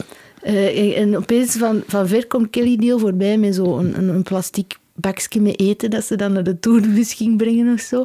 En ik zeg, ah, ik- eerst, ja, do you Hè. Ik zeg, eh, hello Kelly, eh, can I say eh, hi? Eh, that's it, hè. dat was het eigenlijk. En die zo, come here you. En die heeft me een knuffel gegeven. Is- Ja, Wauw. super cool. En dan hebben we nog Je bent nog lang- dichterbij aan geweest dan mij eigenlijk. ja, ze zijn niet afgekomen bij je. Nee. En dan met een drummer, eh, die zat in het busken al te wachten, heel lang gebabbeld. En dan aan eh, merchandise was de bassist, eh, Joe Weeks, ook een babbeltje mee gedaan. Maar Ja. zo heel zo, ja, ik heb het niet... Hey, ik speel ook bas, dat ga ik niet doen, hè. Maar Nee, gewoon nee, nee, even... Menselijk. Hallo, Ja. ja. hallo, hoe, hoe is het? dat was heel fijn. Ja. Is een, een mix van starstruck zijn, maar toch ook proberen gewoon als. Ja. mens te communiceren met Ik heb je daar niks te vertellen. Hè. Maar met drummer was, het- was het echt wel fijn. Die, die was blij dat hij Ja, een gespreksje kon doen. En voor de rest, ja, Frank Black heb ik in de botaniek zien spelen. En dan ben ik wel een cd'tje gaan geven. Maar ja, je weet dat Ja. het daar blijft liggen in de backstage. Tuurlijk, ja, ja. Maar ik moest het toch maar doen. Ja. Je waart het jezelf verplicht. Mhm. En aan Minchul. ja, maar Joe gaat niet zoveel naar shows zien niet meer. nee. Ja, de goden. Ja, ik, wou, ik wil ook graag gerust zeggen eh, Pino Palladino of zo, maar dan ben ik gewoon aan het liegen. Cool. Ja, ja. Dat moest ook eens gezegd worden in de podcast. Eh, ja, maar ik ben, Voilà. allee, als alle respect en, en, en- Ja. en waarschijnlijk om, om de drie nummers op de radio hoorde er zo in spelen. Ja. Dat is fantastisch. eh, Graham Maybe, eh wow, what fuck. ja, eh. van Joe Jackson. Ja, maar gewoon, ja, mijn, mijn jeugd is, is gewoon die, die nummers van Tuurlijk. de Pixies leren spelen. En alles wat daar rondhangt. De constellatie van groepjes. En ben daar heel content mee. Goed nieuws in dit item. We hebben al regelmatig Pino Palladino. Zelfs Graham Maybe passeerde de revue. Eindelijk. Het heeft lang geduurd, maar Michel de Koster van de Mens had Ah. Ik heb het toch wel gehoord, eh, opgediept. En ik zou zeggen, nu eindelijk een van de meest onderschatte basvrouwen van de Mm. wereld. Eh, als ze in een goede vorm is. Ja, en Kim Deal is eindelijk gearriveerd in deze podcast. wanneer heb Pixies op Pukkelpop gezien? 4 of 95, denk ik. denk, nee, op, op eh, Wechter. Eh, 91 op Wechter heb ik ze de eerste Ah, ja, keer dan was ik weer te jong. Ja. Ik heb ze met de reunie gezien. We zijn speciaal naar Parijs gegaan. Daar is er Ja. iemand flauw gevallen in de zaal voor mij. Met die, die kon niet met hun emoties om. Het was ongelooflijk. En dan een keer op Pukkelpop, geloof ik, ook speciaal alleen voor hen daar. En je mocht zeggen wat je wilt, maar als die bas speelt, dan speelt die bas. En dat staat daar. En dat klinkt hoe dat, dat moet zijn. En heel de band eigenlijk. Hè. Als Ja, je de soundcheck hoort, denk je van oei oei, apart. Die doen geen soundcheck? dat is maar- niks. Nee, ik heb juist die, die doen het niet. Die komen op podium. Ja. Eh, en, die, en er heeft iemand waarschijnlijk een line checked of zo. Ja. Maar ze komen op podium en het eerste nummer is voor de engineer de soundcheck. Ja. En dan als je chance hebt, is het gouge. Want dan beginnen we met bas en drum. Ja, ja, als je pech hebt, dan is het hey of zo. En die hebben ook geen setlist. Die, ehm, Voilà. De Frank die roept gewoon de nummers. Ja, oh, fantastisch. Mhm. Dat zijn de leukste shows om te zien. Want dan kun je niet op voorhand met licht dat op een klik meedraait. Eh. En dan de zanger doet zo en dan moet de bassist zo doen. Dat zijn de, de beste shows Mhm. ever. Voilà. En bij deze, soundchecks are so overrated. Eindelijk.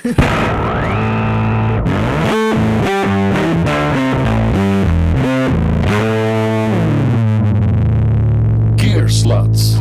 Het materiaal. Mhm. Maar voor we daar een boompje over opzetten, stel ik voor dat we de glazen nog eens voldoen. Schouw. Ja. Nog een beetje bij. Ja.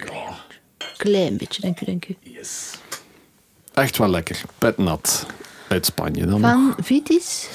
Eh Vitis Vin is de verdeler. Alright, Ja. onthouden. Bernard van de Baar, zoals dat we hem hier noemen. Oké, goed. Ja, het domein aus, wat dus vogels betekent, of zoiets. Dat weten we dan ook weer al. Ik had niet onthouden. Voilà, we zijn weer bijgebeend met onze Espanol. Materiaal, ja, de heilige graal zit denk ik op uw schoot nu. hè. Oh, ja. Die geweldige precision bass sunburst. Yep.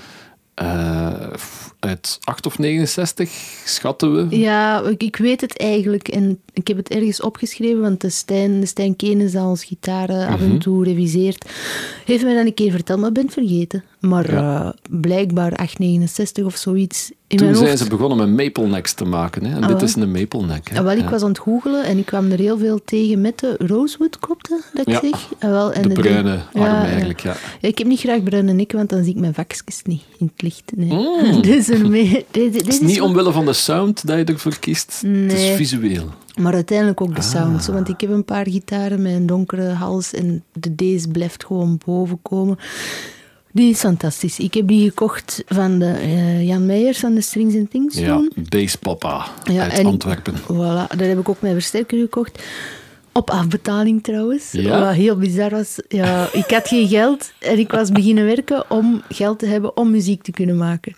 En dan eh, ben ik Als tiener vakantietje op staan of zo. Nee, manneke, dat was ik 20 jaar en hadden wij die rockrally gewonnen. Opeens moest ik echt een beetje professioneel gaan Ja, zijn. ja, ja. En eh, een echte versterker. En ja, ik ga op de looks af, uiteraard. en een, Ampeg horen. Een frigo van Ampeg staat nee, altijd een- goed. Ja. Het is een 4x10 en een, en een tweeter is kapot, maar dat is niet erg. Ja. Maar een top heb ik op afbetaling gekocht. Ik heb gewoon gevraagd, ja, ik heb eh, juist werk, ik heb geen geld. Mag ik elke maand 50 euro komen brengen?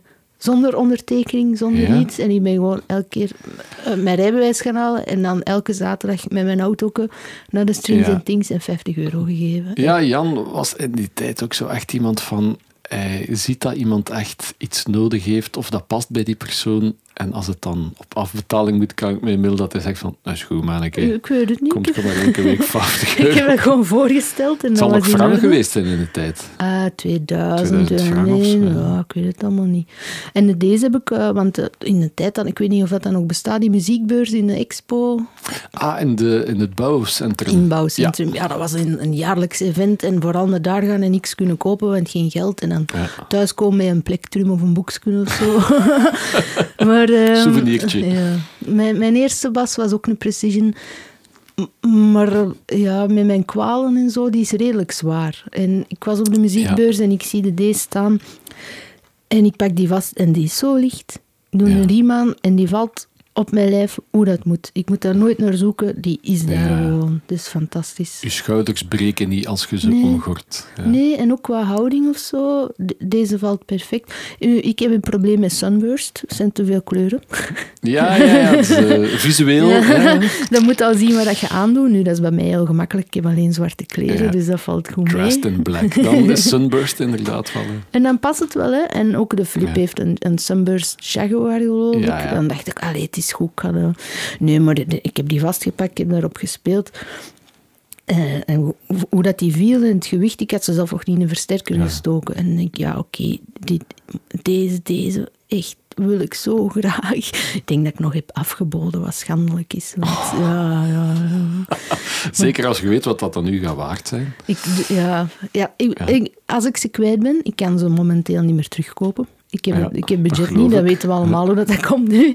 Eh, maar vooral eh, om nog eens de chance te hebben om zo... Deze is Ja. mijn gitaar en niet iedereen mag daarop spelen. Allee, Alles van jou zit daarin. Hè. Ja, je hebt ze zo gemaakt eigenlijk. Hè. ik, ik vind dat, ah, het is tweedehands, hè, uiteraard. Ah, ik, ben- ik was toen nog niet geboren.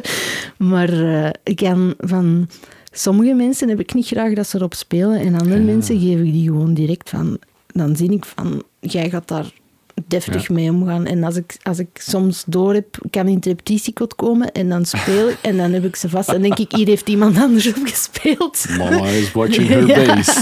En dan heb ik dat niet gezien of zo, maar ik voel gewoon van, verdorie. Dan moet ik even terug inspelen. Ah ja, ik heb ze er juist even vast gehad. Oh ja, de max, hè. Sorry. maar ik moet, moet zeggen, het is echt precies alsof het een L-serie precision bass is. Ja, Heel ik- licht. Ik weet niet wat dat wil zeggen.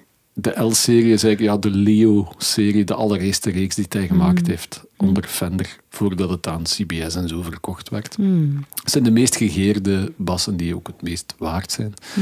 Maar ook qua, ja, qua dynamiek en respons. Het is echt super. Die bas klinkt ongelooflijk. Hè? Nou, ik ben zo blij. Ja, als, als er iets mee gebeurt, gestolen of kapot, ik weet echt niet wat ik ga doen. Ik ga er ook niet over nadenken, maar dit kan Ja. ik niet meer vinden, denk ik. Mm. ik mag er niet aan Met denken. een kleine lotto-winst Ja. eh, kunnen we ons dat allemaal aanschaffen. Hè? Maar het is, ja, het is ergens voor dat zo duur is. Het klinkt gewoon echt ongelooflijk Mm. goed. Hè? Blij. En dan eh snaar, ja, een 4500. Hè. Ehm, Ja, de standaard. Is dat? Ik denk het wel. Oh, ja, ik dacht ja. dat ik speciaal was. 100 is nog... Nee, dat is standaard. Ja, dat moet niet te dik zijn. Eh, En vooral ja, hier een beetje meer toon in de wacht. Hè. Mhm. Sol? Op de, de solsnaar. Ja, de, Ah, de fijnste snaar is de solsnaar. Oh ja, die is dan wat dikker, Ja. denk ik, dan gewoonlijk, niet? Of is dat ook standaard? Eh, 45 is de, de standaard. 50 is al redelijk heavy. En Ah ja, nee, dat 55 weet ik is echt heel... eh, Hm. Michel de Koster is eh, Ah. 110 tot 55. Dat is echt rammen met een plechter. Ik Maar vrouwenhanden op een precision zijn eigenlijk een beetje kleiner. Hè? Dat is niet de meest eh, flexibele bas voor een vrouw, een precision. Ik weet het niet, eh, maar bij de deze heb ik niet echt een probleem ooit Mhm. gehad. Ik ben begonnen met een ander precision. eh, eentje van later, ofwel begin 70 ofwel eind. Ja. Dus hij moet mij niet vragen, want dat weet ik niet. Een blonde. En eh, mijn, mijn vader was denk ik een beetje beu dat ik op zijn gerief speelde. En dan heeft hij mij mee... En, ja, toen was dat de koopjeskrant. Hè, en kijken wat er Ja, allemaal te ja, koop stond. En dan zo dingetjes omcirkelen. En ik had niet veel eisen. Hier ben ik weer. Eh, mijn vader had een jazzbas en nog zoiets ehm, anders van Fender. Iets zo heel licht, zo van grafiet kan dat gemaakt zijn. Ik weet het niet. De modernere basgitaar, ja, ja. om de sustain Ja. cleaner en langer te houden. Maar die was heel tof, want die was heel licht. En in een tijd was ik ook fan van therapie en dat paste dan wel. Maar dan hebben we toch, eh, mijn ouders besloten, oké, we gaan die een eigen gitaar geven, want ehm, deze komt anders niet goed. en dan zijn we in de koopjeskrant, hebben we dan iemand gevonden in Nijlen, geloof ik. En dan hebben we een blonde Precision gaan halen. Ja, Die was super tof, eh, maar veel, veel, veel zwaarder dan de deze. Ja. Maar daar heb ik wel jaren op gespeeld. En die meneer heeft toen, ben die meneer zijn naam vergeten, zei dat die bas nog geweest was van Verre Balen, wauw. van TC Matic. En dan was ik zo, oh ja, oké. Dat gaan we binnenkort eens moeten checken met de podcast. Hè. Ik heb ondertussen het nummer al gekregen van de Ferre Balen, maar ik durf hem bijna niet bellen. ik zou het niet weten, ik ben dan, Dat is ook zo'n held. ik vind die de max. Maar Ja. ik ken, dat is weer iemand wiens oeuvre dat ik helemaal niet van buiten ken. Maar toevallig ben ik sinds een paar jaar toch wel in dat meer eh, Ja. elektronische en dat dance gebeuren ook bezig, En maakt daar nog muziek in, hè, nu? Ah, wel, ik wist het niet. Dus je bent gaan Doctor, googlen. eh, het is iets met Doctor of zo. Er is één nummer en ik heb dat op een, een jaar tijd echt honderd keer naar elkaar beluisterd. Dat is mijn ding dan, van eh, Jaja La Boom.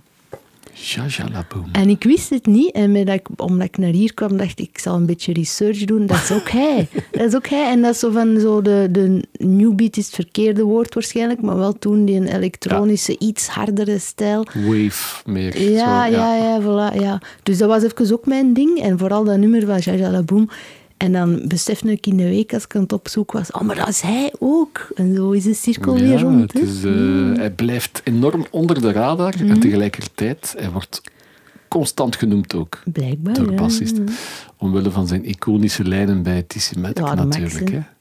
Ja, het is een goede reminder, Lies. Ik ga echt wel mijn telefoon moeten pakken en hem echt eens opbellen en vragen eh, of dat hij ons een beetje te woord wil staan. Ik weet het niet. Maar ik zal zeker luisteren. hè. Maar er zijn ook een aantal andere basjes al de Mhm. revue. Je hebt wel geëxperimenteerd met ook nog andere basgitaren. Ja, maar ik heb gemerkt, ik kan niet op een nieuw bas spelen. Ik heb er zo Ja. een keer een Dan Electro gekocht en een keer een... eh, Die was volledig nieuw. Ja, volledig nieuw. Longhorn waarschijnlijk, Longhorn, redelijk mooi, want dat is natuurlijk het eerste criterium. Maar de- Is dat het eerste criterium? Ja. Niet van ik wil eens een andere sound, dus ik ga Nee, nee, mooi zijn, het moet bij mij passen. Hè. Dus. Oké, ja, dat is ook een Ah, criterium. ja, zeker, dat- ja. En iedereen dat anders zegt, die liegt, dat weet ik zeker.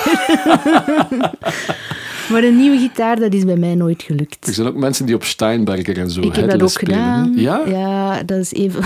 Eerst En je vond dat mooi toen? Nee, dat, dat ging niet anders. dat was, ik- dat was eigenlijk nog een van de eerste dingen dat ik live heb gedaan in Lier met school. Een toneelstuk begeleiden. En Ja, ja. ik weet niet hoe dat ze mij gevonden hebben. Dat snap ik echt niet, want toen heb ik nog nooit... Ik had nog nooit iets gedaan, maar opeens zat ik daar in de coulissen achter het doek mee te spelen met de musical. eh, ik weet niet, ik zal dansen Lier of zo. Ik weet het niet. Op een Steinberg, want ik, had, eh, dat, ja, dat was de- ik was aan de vervanging voor die gasten en dat moest dan die bas zijn. En dat viel goed mee, hè. Oké. ja, als er nog eentje tegenkomt, tweedehands, ja.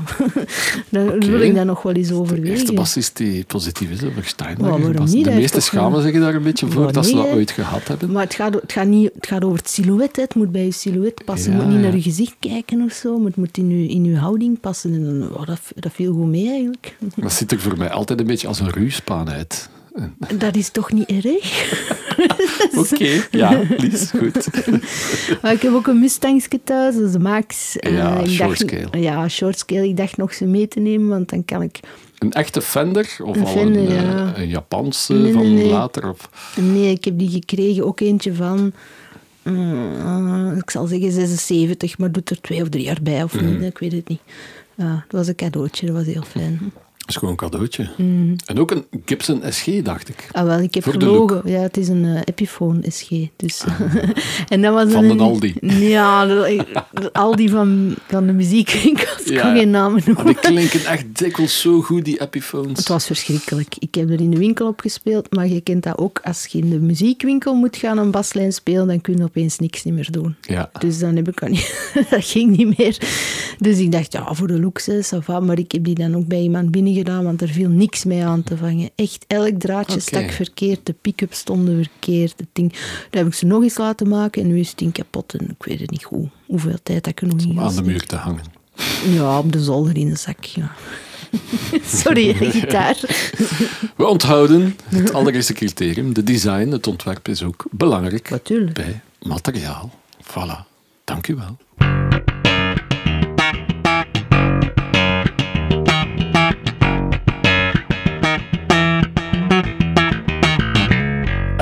Advice for the young at heart. Advies voor de jongere generaties. Komende van Lies Lorquet, een, eh, een bassiste met een heel eigen traject en een eigen benadering. Dus ik ben super benieuwd naar jouw eh, tips. Eh, ja, technisch niks, hè. Doe gewoon je dingetje. Technisch niks. Voilà. Eh, een praktische tip van Minchul, dat ik echt... Die coole gast. Ja, die, ja. Maar Flip ook, hè, Max, ja. Maar Minchul, als wij repeteren... Ik kan nogal switchen tussen mijn plektrum en met mijn vingers spelen. En dan steek ik mijn plektrum meestal in mijn mond. En dan zegt hij telkens, je mocht dat niet doen, je gaat nog een keer stikken. Oké. ja. Een praktische tip, maar ja, ik, ik doe het nog altijd, ik ben het niet afgeleerd. En heb je dan niet zo van die pickholders die je aan je headstock kunt plakken? Maar nee, ik heb niks. Je stikt de plektrums tussen je slagplaat. Dan, Ja, voilà. En in mijn mond en in mijn broekzak en in mijn sacoche en in mijn jas zit er een. Ja. En in mijn rugzak zit Vrouwen hebben een. een chacos natuurlijk. Dat hebben jullie wel voor. Hè. Daar kan heel veel in, in een chacos. Ja, dat is wel heel gênant dat je dan van het podium gaat. Vorige, vorige donderdag met Ruben. en dan, kan even mijn chacos halen. Ja, nee, ja, dan heb ik toch wel aan een tompie gevraagd. Dan zie je het zitten. Om, want allee, het was dan toch gedaan. Ik wist niet wat we nog gingen doen. Ah, het is gedaan. Ah, ah, mijn zakkoos is daar nog. ah, de- straks gaat die gsm of zo en hij zijn tompje die gaan halen. De Ro die moest in de chacos duiken. Ja, en hij zei, dat is geen zakkoosje, dat is een, dat is een heupzakje. Tuurlijk. Ik zeg, ja, excuseer. Dat je daar allemaal in vindt. ja, pijnstillers, hè, vooral. Ja, zo. maar ondanks de hoge Ja, pijngrens. ça va. Eh, ah, wacht, een advies. Ik heb eh, ik- met veel techniekers samengewerkt, zo Mhm. eh, live ook op tour. En eh, een, een daarvan is een Bob Hermans. Dat is een super toffe gast. Mhm. En we waren op tour met Few Bits, voorprogramma van The War on Drugs.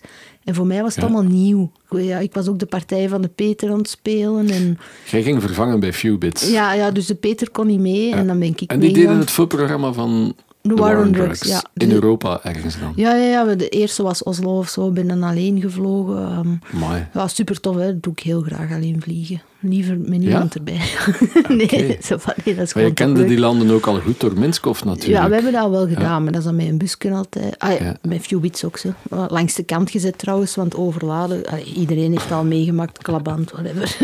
Ai, ai, ai. Maar een Bob is de max. Eh, als technieker, eh, als mens gewoon ook. En, en ik had een beetje stress en ik wist het niet van mijn eigen. En Mhm. alles is nieuw, een nieuwe band, nieuwe partijen. Voorprogramma van toch wel een hele grote, eh, zo van die stadiumshows en zo. Waren ze toen al heel groot, ja. Waren drugs, ja.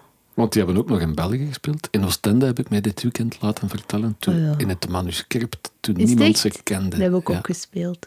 Ja. Fantastische keten. Ja, daar moet je spelen. Hè. Ja, en ook gewoon een pintje gaan drinken. Ja, dat is echt zeker. een super toffe plek. Geweldig.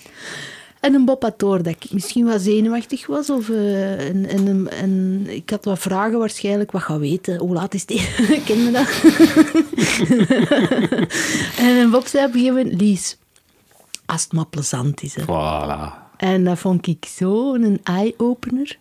Ja? Ja, ja, want ik was... Wat ben ik hier aan het doen? Wat, wat is het concept? Wat is... eh, En Bob zei zo heel op het gemak, als we maar plezier hebben, hè, als het maar plezant is. En ik, ah ja. En dat heeft mij zo'n shot onder mijn gat gegeven. Echt, Ja, dat was zo... Ja. Ja. En dan... ah, dat vond ik echt heel tof en dat, dat onthoud ik nu ook nog op eh, andere aspecten van het leven kunnen dat toepassen. Het moet een beetje aangenaam zijn, hè. Absoluut. En eh, Ruben heeft ook nog een goeie gezegd in zo'n aanloop van... Ja, ik was dan de laatste in die groep, de appendix eigenlijk. Want ze waren al goed ingespeeld met, met die tien shows in de Roma. En opeens kom ik erbij. Ah, wat ben ik hier aan het doen? Wat is mijn plek? Wat is mijn rol? En hij had waarschijnlijk gezien dat ik er een beetje mee zat of zo. En de Ruben zei... Oh ja, Lise, eh, als, eh, ja, het moet plezant zijn. Hè, vooral. en ook, ja, ieder, iedere mens, hè, elke persoon in een band heeft zijn voetafdruk. En dat, dat moet gewoon een beetje matchen. En dat is niet erg dat er zo wat- dat, dat niet iedereen op dezelfde manier denkt of zo. Maar als je een klein beetje bewust kunt zijn van... We zijn hier allemaal onderweg en het is voor iedereen. Iedereen heeft wel iets anders aan de kop. Dat is misschien een goed ding. En eh, dat vond ik ook een heel toffe. En dat is ook weer iets. Dat is niet alleen voor groepen Ja. zo. Hè. Dat is voor alle vriendengroepen, voor het werk wat dat je doet. Dat vond ik ook heel fijn om te horen. Komende uit zijn mond, na al die jaren, met Paul en Mario in een busje te zitten. Oh, dat geloofde en vliegers. Dat geloofde wel, hè. dat geloofde. ja. Heel fijn. Ja.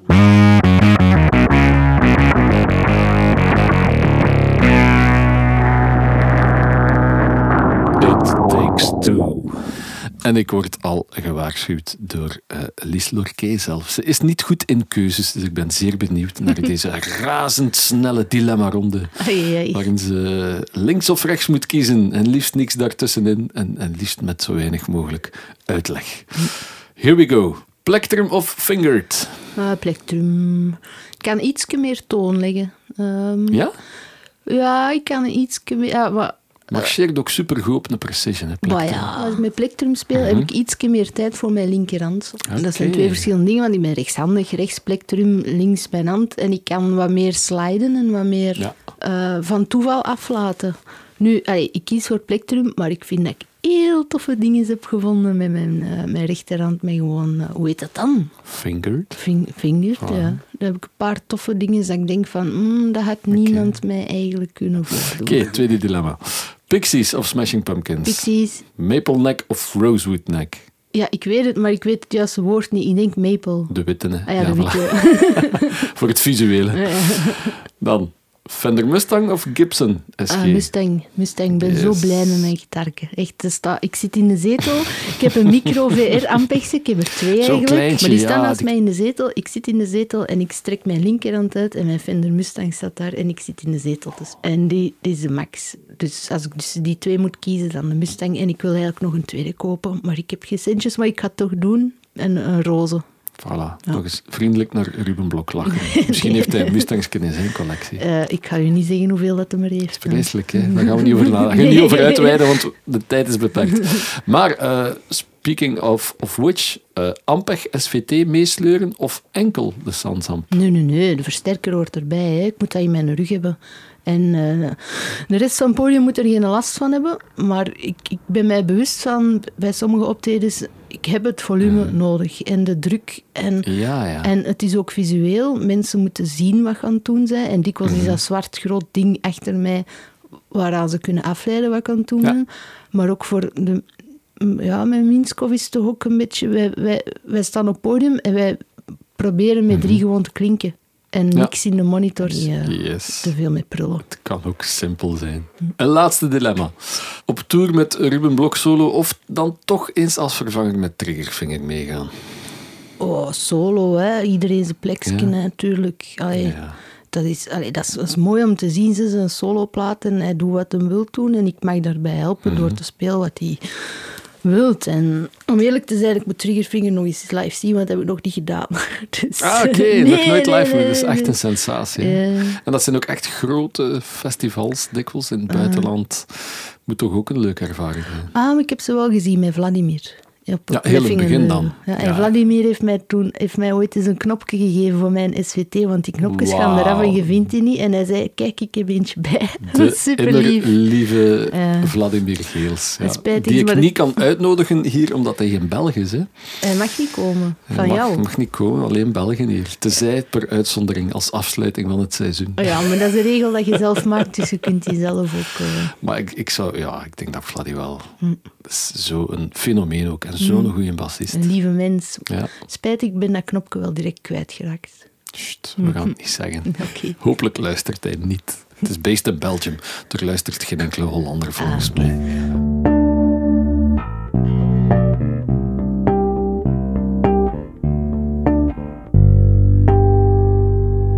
Famous Last Notes.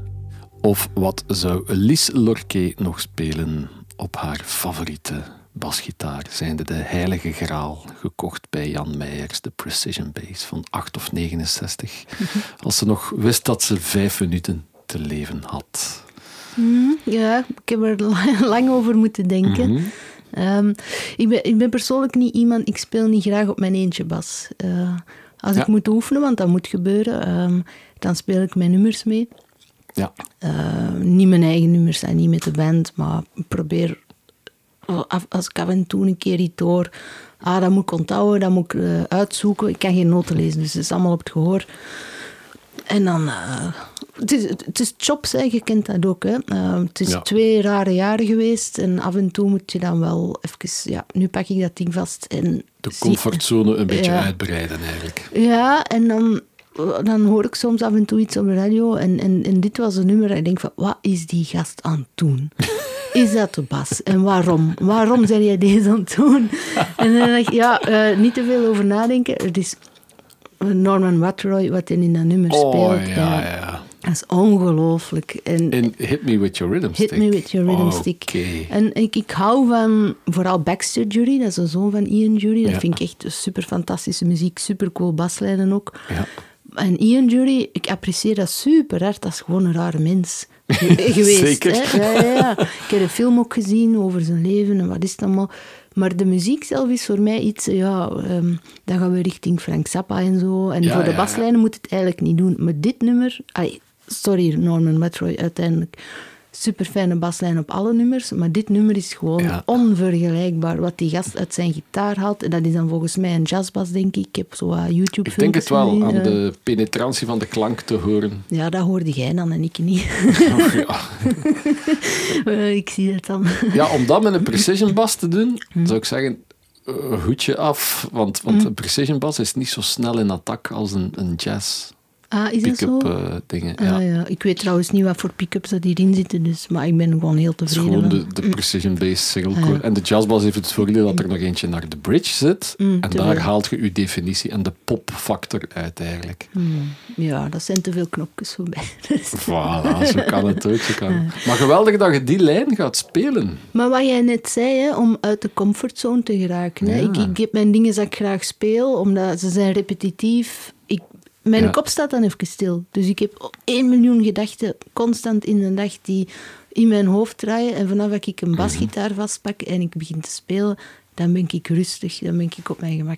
Wauw. Dat is de reden dat ik gitaar speel ook, denk ik. En dit nummer is, je hebt geen tijd om na te denken. Nee, want eh, de, de baseline is quite busy. Ja, en ook super melodieus. Dat, dat stukje na de... Je hebt er een, eh, een refrein in het midden weer. En dan komt daar de sax solo, wat ook Ja. dubieus is.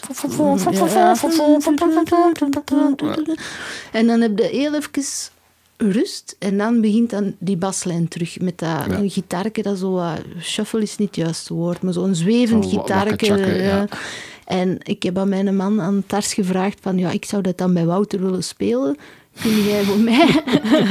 Even, want ik speel niet graag alleen op iets, dus ik heb dat beatje nodig. Ja, en gezocht naar twee, drie seconden waar dat er geen melodiebegeleiding was. En gesampled. En dan heeft een Tarza voor mij gesampled en dan Wauw. proberen dat te spelen. Ehm, het is flauw, maar ik ga toch zeggen, ik ben redelijk gehavend. Mijn- Ja, ja, daar hadden we het al over. Ja. De schouder en de Ja. voetbeentjes en de vingers en de handen. eh. Dus mijn, mijn linkerhand is redelijk pijnlijk en mijn schouder is heel vervelend aan het doen. Maar, en ik mag ik speel, maar niet te veel. Maar ik heb mij proberen voor te bereiden. Dus eh, misschien dat er hier en daar iets schuift, maar daar ben ik eigenlijk zelfs vier op, denk ik dan. Ja.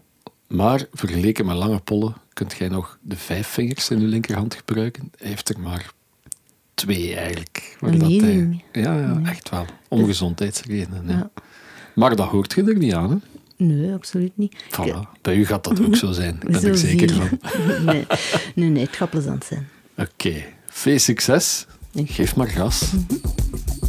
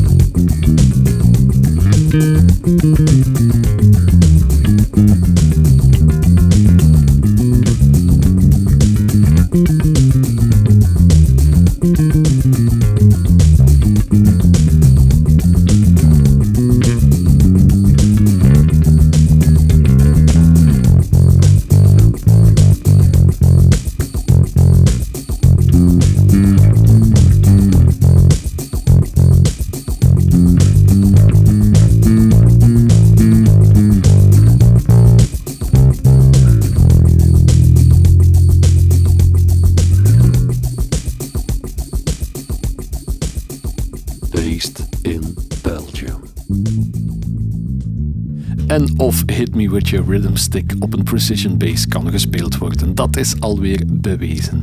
Voor de tiende keer dit seizoen kan ik als podcast-host gelukkig zijn wanneer de queen van de alternatieve Belgische scene de outro van deze episode inkleurt met een prachtig laagje laag, komende uit haar onafscheidelijke Sunburst Fender Precision uit 8 of 69.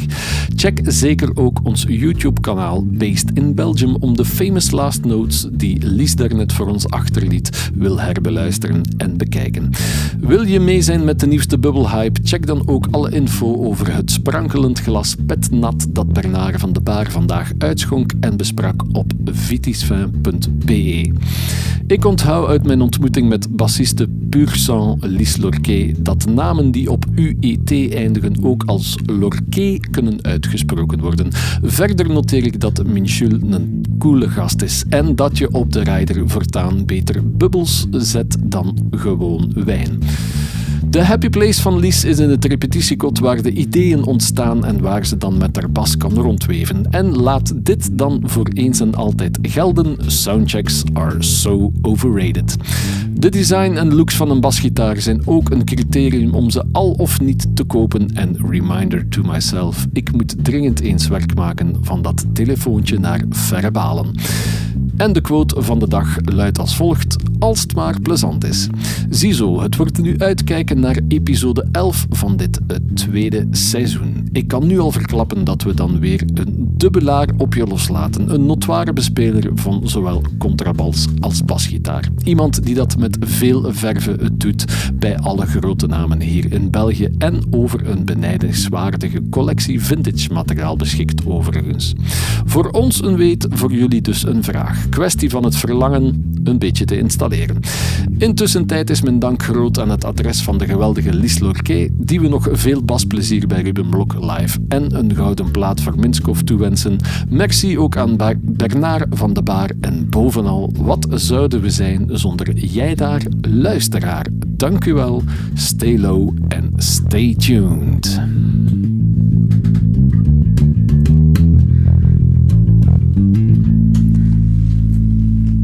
Yes! Tot dusver de precision van Lies Lorquet. Merci Wouter, het was fijn. Jij bedankt. Enorm fijn.